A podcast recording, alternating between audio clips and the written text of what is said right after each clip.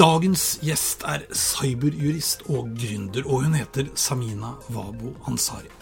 Samina hun er veldig opptatt av globale trender, det geopolitiske bildet, teknologi og bærekraft, og hvordan alt dette påvirker både oss mennesker og ikke minst det samfunnet vi lever i. I dag så skal det handle om frykt, spesielt om frykten for at teknologi skal erstatte meg. Men kommer den til å gjøre det?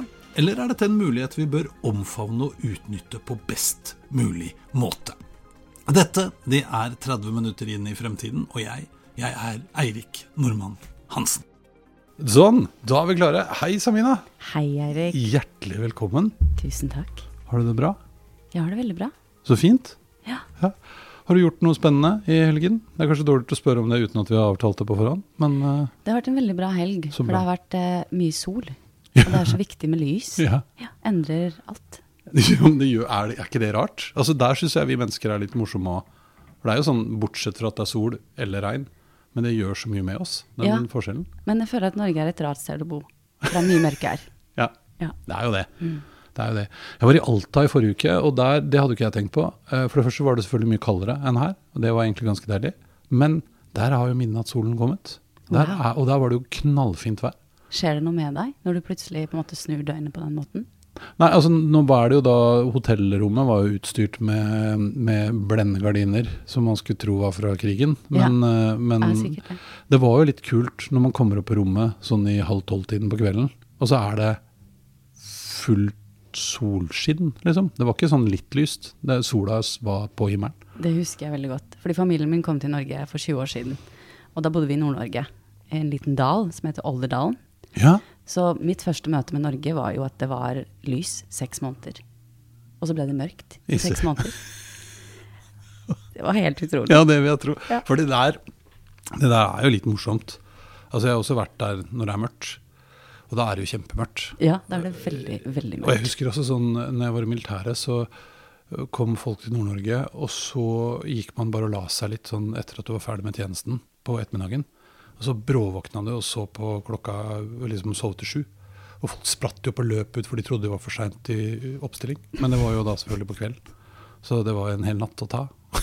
Det er helt utrolig. Det er veldig rart. Ja. Det er veldig rart. Men du, det er ikke det vi skal snakke om. Selv om det, vi skal snakke om mennesker.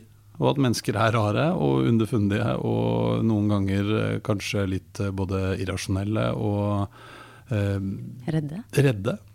For vi skal snakke om hvorfor man er, eller mange, har så veldig frykt for teknologi, og særlig ny teknologi. Mm, nettopp. Ja. Jeg føler at mennesker har mye frykt generelt. Mm. Og den frykten bærer vi i hodene våre. Mm. Eh, masse historier. Nå kommer krigen, finansiell krise, eh, klimautfordringer, eh, pandemi. Eh, og veldig mange av disse frykthistoriene er jo ledet av både globale medier, det vil bli fortalt av foreldre, det vil bli fortalt på skolen og av regjeringene våre. Sånn at generelt så er det veldig liten plass for mennesker å skille hva er det som er sant, hva er det som er riktig informasjon her, og hva er det som er drevet av frykt. Og nå så kjenner jeg på en måte at de siste årene så har det skjedd masse innenfor teknologi. En haug med utvikling. Og så er det litt vanskelig å følge med på hva som er hva. Eh, og så lander vi på at vi er livredde for at teknologien skal erstatte meg og deg. Mm. Hva med oss? Hva vil skje med oss? For plutselig så er vi urelevante, og det å være urelevant er jo det samme som å være død. Ikke Ja. sant? Eh, For vi har vært avhengig av å være relevant for å overleve som en art. Bidra til hverandre, bidra til oss selv, skape ut i verden. Eh, Men hva skjer nå? Er det noe du tenker på? Nei, kanskje ikke så mye, i hvert fall ikke i forhold til teknologi, for det er det jeg driver med. For jeg deler jo veldig lite synspunkt. Ja, men jeg syns noen ganger det er så trist, på et vis, at teknologisk utvikling ofte stopper litt opp fordi vi går rundt og er redd for ting som vi ikke burde behøve å være redd for. Fordi grunnlaget vårt, eller innsikten, er ofte basert på nettopp manglende innsikt, eller kunnskap. Så vi antar en hel masse, og så har vi hørt og lest, og noen som har sagt, og så stemmer ikke det. Vi har jo vært igjennom nå, og er kanskje litt sånn midt oppi igjen i forbindelse med chat, GPT og generativ AI. Selv om jeg føler at det roer seg litt nå, for nå har man begynt å skjønne hva det er for noe. Så kanskje det ikke var så skummelt allikevel. Ja, og derfor er det viktig at vi på en måte bretter det her Mm. ut litt. Hva er frykt, og hva er sann faktabasert informasjon? Ikke bare ut fra forskning, men våre egne erfaringer som mennesker på jorden. Ja. Eh, og det som jeg har identifisert, er at menneskekroppen er like mye kodet som et datasystem. Så eh, i datamaskiner så har du 01, 01, 01. I menneskekropper så har du historier fra kultur, historie, eh, samfunn, eh, relasjoner, som er fylt på en måte som gjør at det skaper et filter. Så alt som er ukjent og litt annerledes, det trigger frykt. Og den frykten ligner veldig det å ha en dinosaur som løper bak en. Den ligner veldig på det. Ja, for det er litt der det kommer fra, er det ikke det? Det er litt der det kommer Ja. fra. ikke sant? Fordi vi var jo på en måte i stammesamfunn hvor vi hadde masse dyr rundt oss, vi måtte beskytte oss fra det. Alt som var litt annerledes, var skummelt. Men det er jo ikke sånn i dag nødvendigvis veldig mange steder i verden, i hvert fall ikke her i Norge. Så det å på en måte få noe ukjent introdusert, og ha frykten som en signal på det, er ikke nødvendigvis stopp.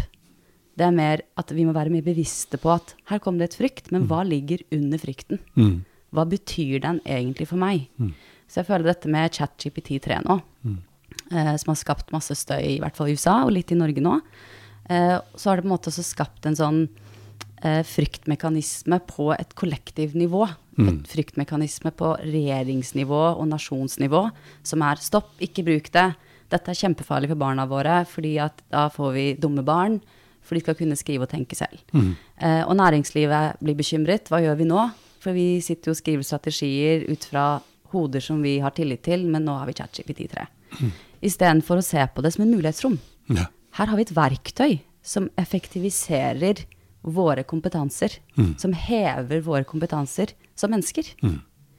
Og så vil den jo ikke kunne erstatte kjærlighet og mellommenneskelige relasjoner og Nei, det det. Tillit. Man, ja, ja, ikke sant. Tillit og intuisjon og, og øh, empati og sympati og alle mulige sånne ting. Og din personlige historie. Ja. Den er jo din. Ja. For det har jeg prøvd, da. Det kan du spørre ChatGPT. Det har jo til og med kommet fire. Jeg betaler, og da får man fire. Wow. Og da spurte jeg den om den kunne si hvem Eirik Normann Hansen er. Det kunne den ikke. Det, det vet jeg ikke. Da sier den, for det kan jo bare nå fram til 2021 og ferdig. Men så ba jeg den om å skrive historien om. Kan du dikte opp en historie om Eirik Normann Hansen? Det kan du selvfølgelig. Og da hadde jeg vært polfarer, og det var ikke måte på. Det Ja. var ganske gøy. Det er jo ikke sant, men eh, det var ganske gøy. Ja, for den på en måte bare kobler sammen ulike algoritmer og informasjon som er tilgjengelig. Ja. Men det som du og jeg har som eh, tech-produkter ikke har, det er det du nevnte i stad, dette med intuisjon. Mm. Så grunnen til at vi sitter her i dag, er jo intuisjon. Ja. Vi har truffet hverandre en del ganger og tenkt at her ligger det noe. Mm. Vi vet ikke helt hva det er. Vi har ikke svaret, vi har ikke kodene. Men det er noe ekspansjon der, i hvert fall, på menneskenivå. Og så sitter vi her nå. Ja. Men det er jo litt Jeg tenker jo ofte det også at øh, det er jo, altså var det en kompis av meg som sa en gang, det er, det er godt å være litt sånn sunt skeptisk, og det er jeg jo for så vidt enig i. Men det må liksom være basert på noe innsikt og kunnskap, at jeg faktisk vet hva jeg snakker om. Jeg fortalte deg om dette eksempelet mitt med han kompisen på 60 som kom bort til meg etter et foredrag og sa at sånn, dette var spennende, men sånn kunstig intelligens og roboter, det må man være forsiktig med. Ja. Og så sa jeg hvorfor det? Og så sa jeg fordi husk på hvordan det gikk i Terminator. ja. Og han var helt alvorlig. Liksom. Det var hans referanseramme. Ja, jeg er veldig enig i at vi må være skeptisk, men da må vi være skeptisk på veldig mye. Mm. Ikke bare skeptisk til teknologien, men også skeptisk til politikken. Mm. Skeptisk til menneskene rundt oss, skeptisk til oss selv. Mm. Eh, fordi nå er veldig mye fokuset, i hvert fall fra politikken, på vi skal være skeptisk til teknologisk utvikling. Men alt annet skal vi svelge. Så globale nyheter og nyhetsforsider, det er fakta. Mm. Eh, men skepsisisme fungerer jo ikke på den måten. For det er jo det kritiske mennesket som ønsker å forstå og filtrere informasjon på en måte som er riktig for en selv, ut fra sitt eget utgangspunkt. Så jeg skulle ønske at eh, den norske regjeringen hadde mer, eh, altså enda flere mekanismer på pass dere for teknologien, men også bruken på en trygg måte. Spesielt overfor barna våre. Eh, Vi må skape et mulighetsrom hvor de kan komme inn og stille spørsmål om hvordan kan jeg bruke disse produktene som finnes i dag, til å lære mer, til å få meg flere venner, til å lære mer om verden, til å forstå vitenskap. Mm. Så mer rom til det, tenker jeg. Og det syns jeg er litt viktig òg, at hvis man ser på hva OpenAI, som står bak ChatGPT f.eks. Si, altså En av deres hovedambisjoner er jo å lage noe som gjør at vi kan spre kunnskap til flere. Den kan tilpasses eh, on the fly, sånn at jeg som har litt tyngre for det enn deg, kan få det forklart på en enklere måte. Altså Man kan bruke teknologien til sånne type ting. da. Og det er jo helt fantastisk. Så samtidig så er det noen som går helt i vranglås fordi man tror at nå kommer, nå kommer de og tar oss. Nå kommer de og tar oss nok en gang. Eh, og så er det på en måte også dette med at eh, det å være skeptisk gjør at vi kan få flere stemmer involvert i utvikling av produkter, og også implementering av ulike produkter. Så det er jo ikke bare teknologer som skal sitte med svaret på dette her. Fordi eh, hovednarrativet er at vi skal gjøre samfunnet vårt bedre. Og da må vi ha hoder som også ikke er teknologer. Ja. Som bruker disse produktene på en trygg måte, stiller spørsmålstegn ved de, stiller krav til regjeringen, stiller krav til bedrifter, eh, og også inviterer flere til å være med. Flere samfunnsvitere, kokker, ingeniører. Altså vi trenger flere mennesker med på laget for å skape produkter som er inkluderende for alle. Ja, Men du, du nevnte altså, myndighetene våre. De er jo ikke så imponert, tror jeg. Ja, det ligger veldig bak. Ja. Det ligger veldig, veldig bak. Um, og jeg hørte på en podkast i går uh, av Ezra Klein. Han er um, en journalist for New York Times som har en fantastisk podkast som, som fokuserer en del på fremtiden. Uh, og den handlet om den amerikanske regjeringen og hvor langt bak de ligger i forhold til dette å regulere teknologi. Men at fokuset er fortsatt regulere teknologi. Eh, og når jeg hørte på den, så tenkte jeg hvis de ligger bak, så ligger vi i hvert fall bak her i Norge. Eh, og mye av det har å gjøre med at vi ikke har politikere som har teknologisk kompetanse. Og så er det veldig mye fokus på begrensning og regulering, og veldig lite fokus på muligheter. Eh, og myk kommunikasjon, positiv kommunikasjon. Men er ikke dette her litt sånn derre Jeg fikk jo være med å skrive en bok, eller det er Det var en advokat som skulle skrive en bok om når juss møter AI, og så fikk jeg være med og være litt sånn teknologialibiet. Eh, så jeg var medforfatter. Men en av de tingene som Christian Smanet og jeg endte opp med å diskutere veldig, var nettopp at hele eh, måten man forvalter lovene på, er jo laget i en tid hvor man ikke hadde den teknologiske utviklingen som det vi har nå. Og veldig mange lover handler jo om å beskytte den svake part. Og så kommer man plutselig i en litt sånn rar situasjon hvor teknologien løper av gårde, veldig mye det hadde vært bra for den svake part, men det må også reguleres på et eller annet vis. Eh, Så det er jo et lite dilemma der. da. Kanskje vi kunne bruke teknologi til å lage lover? Det kan vi spørre om. ChatGPT kan det kan kan vi faktisk spørre om. Ja. men jeg er veldig enig med deg at jussen henger rett til teknologien, for teknologien er så rask. Mm. og så er jo jussen også skrevet på en veldig tung måte, fordi det skal være rom for tolkning. Det skal, alt kan tolkes veldig utvidet eller innskrenket. Men det som er med teknologien, det er at det er ikke bare personvernet vårt den utfordrer nødvendigvis. Nei.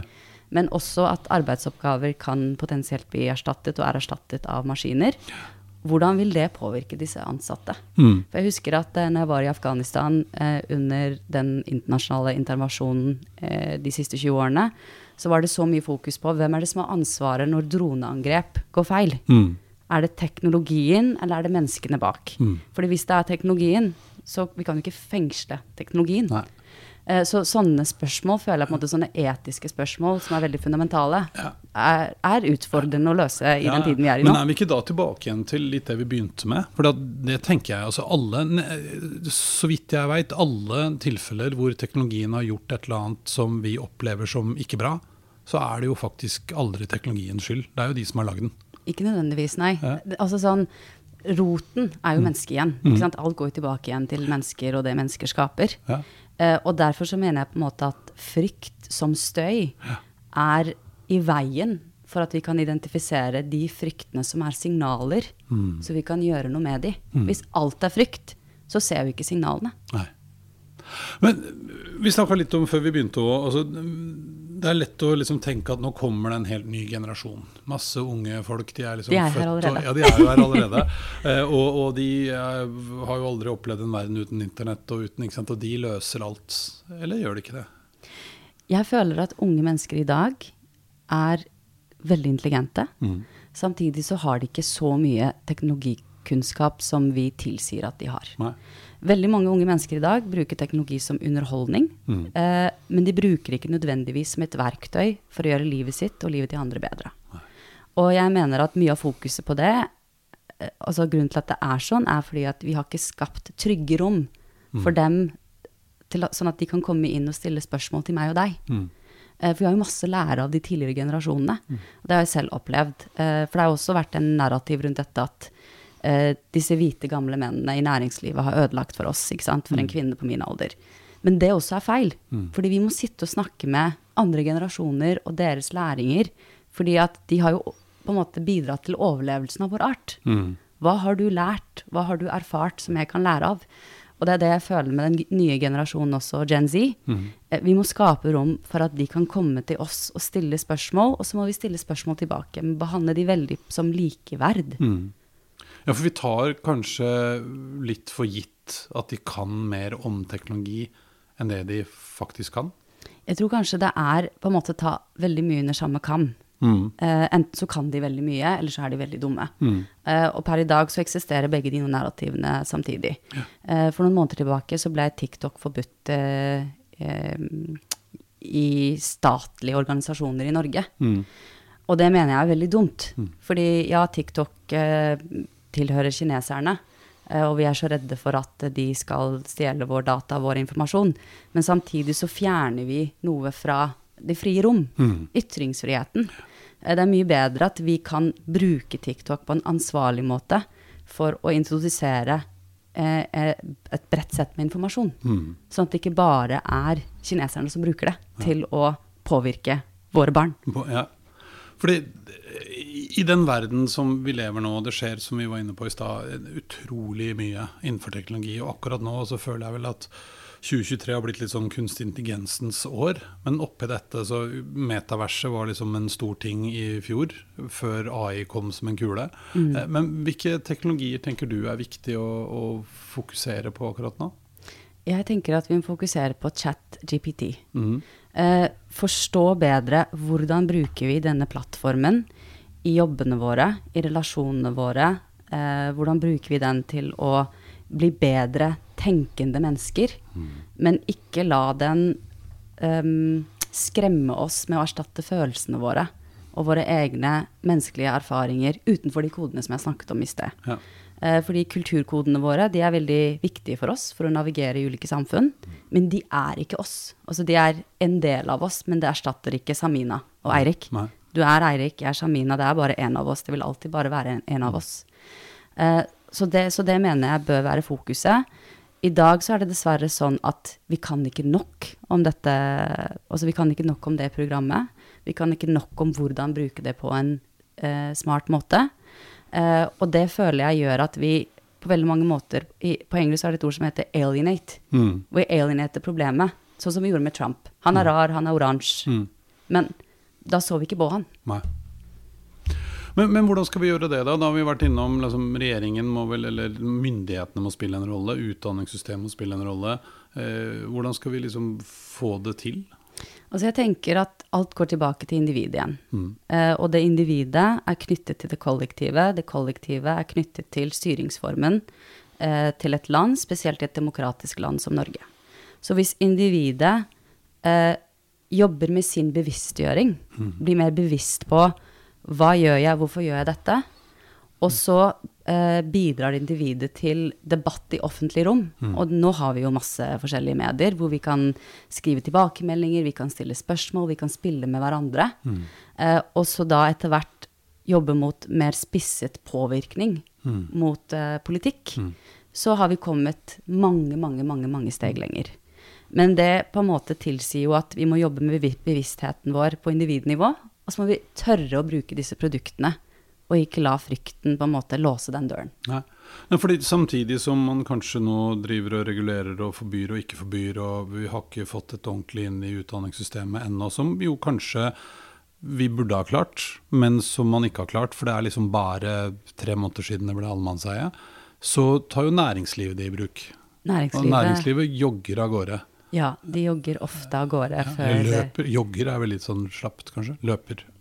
Løper og jogger. Ja. Det, det, det, er liksom veldig variert. Men jeg Ja. føler også at um, en oppgave man kanskje kunne gitt unge mennesker i dag, er bruk ChatJPT til å skrive om krigen uh, i Ukraina, og så tolker du hva du har skrevet, ut fra der du er i livet ditt nå. Du deler hva du føler om det. Mm. Hva du er redd for. Hele tiden bringe det tilbake til individet. Vi, vi bør være mye mer interessert i mennesker. Ja. Selv om vi har skapt masse produkter som egentlig skal gjøre livet vårt enklere og mer effektivisert, og koble oss til verden og koble oss til universet Ja. på måter som ikke har skjedd før. Uh, uten å gi den for mye makt. For det er nesten det vi gjør nå. Vi tenker at teknologien er så stor, og vi er så små. Nei, det er vi som er store. Dette er et verktøy. Men, men ja, nemlig. For det er min eh, gode venn Morten Gudvin også, som du sikkert har truffet før. Professor, nei, doktor. Han er jo professor òg, for så vidt. Doktor Gudvin. Ja, det er en fantastisk fyr. Eh, men han er veldig opptatt av nettopp det. At kunstig intelligens er et kraftig verktøy som vi kan bruke for å skape fantastiske ting. Ja. Men det er bare et verktøy. Ja, men da må vi ha tunga rett i munnen, ikke sant. Eh, en annen måte å bruke teknologien på er dette med bærekraft. Eh, vi har snakket om at jorden brenner i 30 år nå. Bare 30 år, for det tok lang tid før vi klarte å innrømme at det er mennesker som skader planeten. Fordi at mennesker er planeten. Planeten er natur, vi er natur. Sånn er det bare. Så vi skader oss selv, og derfor så skader vi naturen. Vi må bruke teknologien som vi har utviklet i dag, med forbedringspotensialet til å finne løsninger. Ja. Eh, ikke bare last ned denne appen som viser eh, hvor mange som har hunder i ditt område, slik at du kan gå tur med andre hunder. Det er helt greit, men det er masse forbedringspotensial på det området for å faktisk eh, komme med løsninger. Men er vi, er vi litt fæle til å problematisere ting også? Gjøre det vanskeligere enn det det egentlig er? F.eks. nå med ny teknologi. da. Ja, jeg tror det er veldig menneskelig. Ja. Vi har en tendens til å avansere fordi vi har en tendens til å sitte litt fast i hodene våre. Eh, og jeg tror den utviklingen som har vært i menneskehetens historie, har bidratt til at vi har gitt hodet vårt veldig mye plass, og kroppen veldig lite plass. Men det er jo mye mer plass i kroppen. Jeg har mye mer plass her i brystet, i magen, enn hodet. Så vi må avlaste hodet litt. For nå blir det for mye informasjon og masse fryktmekanismer. Var det ikke en som fortalte det òg, at før så var vi eh, All lederteori handlet om eh, Nå husker jeg aldri forskjell på høyre og venstre hjernehalvdel, men da var vi veldig veldig, veldig rasjonelle. Det var kalkulering og bare det. Så flyttet vi oss over til den mer kreative siden, og nå er vi i ferd med å flytte oss ned i hjertet. Det handler litt om følelser og verdier i Ja. større grad enn bare regneark. Ja, fordi det du snakker om er feminin og maskulin balanse. Fordi alle mennesker har feminine og maskuline trekk. Du har, jeg har. Eh, hittil så har verden blitt bygd på veldig mye fokus på maskuline trekk, som da er retning, klarhet. Og derfor så uh, har vi skapt en verden som er veldig firkantet. Vi sitter i firkantet rom, skriver på firkantet ark. Handlingsplanene våre, strategiene våre er firkantet. Og så har vi skjønt at dette fungerer ikke. Vi må få med oss den feminine balansen. Og den feminine balansen er tilstedeværelse, tillit, sirkulær, kontakt med følelser. Så når vi har klart å balansere det feminine og maskuline i oss som mennesker, så vil vi klare å få til den balansen utenfor oss i verden også. Og der vil ikke teknologien klare å erstatte oss. Fordi da har vi koblet på oss selv, Ja. andre mennesker, og teknologien kan hjelpe oss. Eh, teknologien kan underholde oss, men den kan ikke erstatte oss. Ja, for det, det er vel det folk, som vi begynte med, er redd for. Jeg pleier ofte å si at som, tenk alltid på at en, en jobb, den jobben du har, består av en haug med oppgaver. Og noen av de oppgavene vil du antagelig bare bli glad for at datamaskinen kan ta opp. Eller gjøre for deg. Eh, andre er det veldig fint å få hjelp til. Eh, og så kan jeg bruke mer tid til å gjøre det jeg er god på, nemlig å være menneske, om det er å være kreativ eller empatisk eller omsorgsfull eller hva det enn måtte være. Absolutt. Å ta vare på kollegaene dine. fordi at eh, det å ta vare på hverandre gjør jo at man ekspanderer hverandre. Så hvis du og jeg bestemmer oss for å jobbe sammen, og jeg spiller deg god, og du spiller meg god, så blir du enda mer av deg, og jeg blir enda mer av meg. Og det er jo en verdi som kanskje kopier i dag ikke kan måle. Ja. Men det vil vi kunne se på produkter og tjenester ute i verden. At alt bare får 1-2 forbedringspotensial. Ja, ja. Jeg bare kom på nå, eh, sånn apropos at vi har en tendens til å kanskje komplisere ting og gjøre det unødvendig vanskelig. Eh, Han eh, som jeg ikke husker navnet på, han har en podkast som heter Rekk opp hånda. En lærer som er fantastisk. Jeg anbefaler alle å høre på podkasten hans.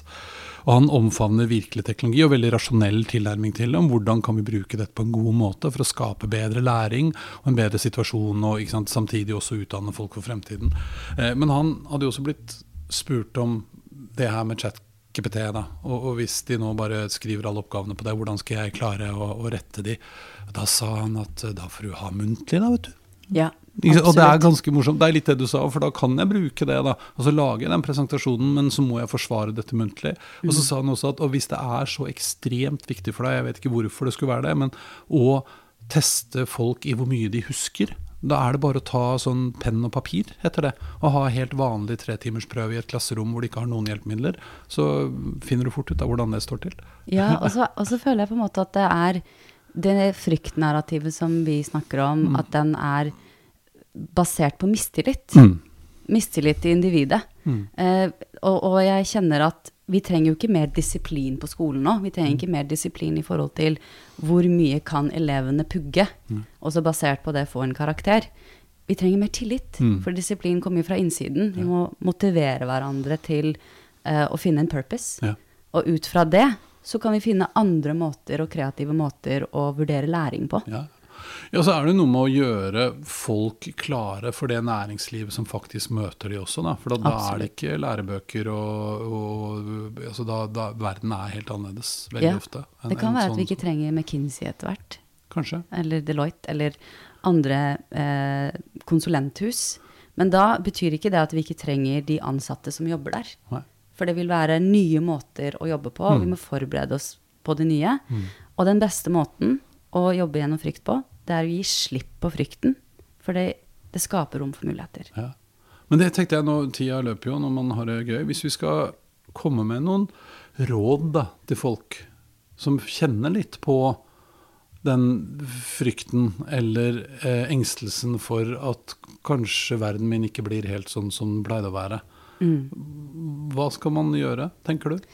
Et tips er hvis du føler på frykt, Prøv å identifisere om den frykten er i hodet mm. eller ligger i kroppen. Mm. Hvis den ligger i kroppen, så har du vondt et eller annet sted i kroppen. Hvis ikke du har vondt i kroppen, så er det en historie i hodet. Mm. Det er det første. Og det andre er tørr å være nysgjerrig. Mm. Tørr å prøve nye ting. Mm. Tørr å være åpen. Og spill på lag med hverandre. Mm. Er du kritisk, er du skeptisk, si det høyt til en kollega, til en venn til barnet ditt, til mannen din. Jeg er skeptisk, jeg er litt redd. Hva føler du? Mm. Og så åpner det opp for en samtale hvor vi kan faktisk spille ut disse historiene med ja, hverandre. Ja.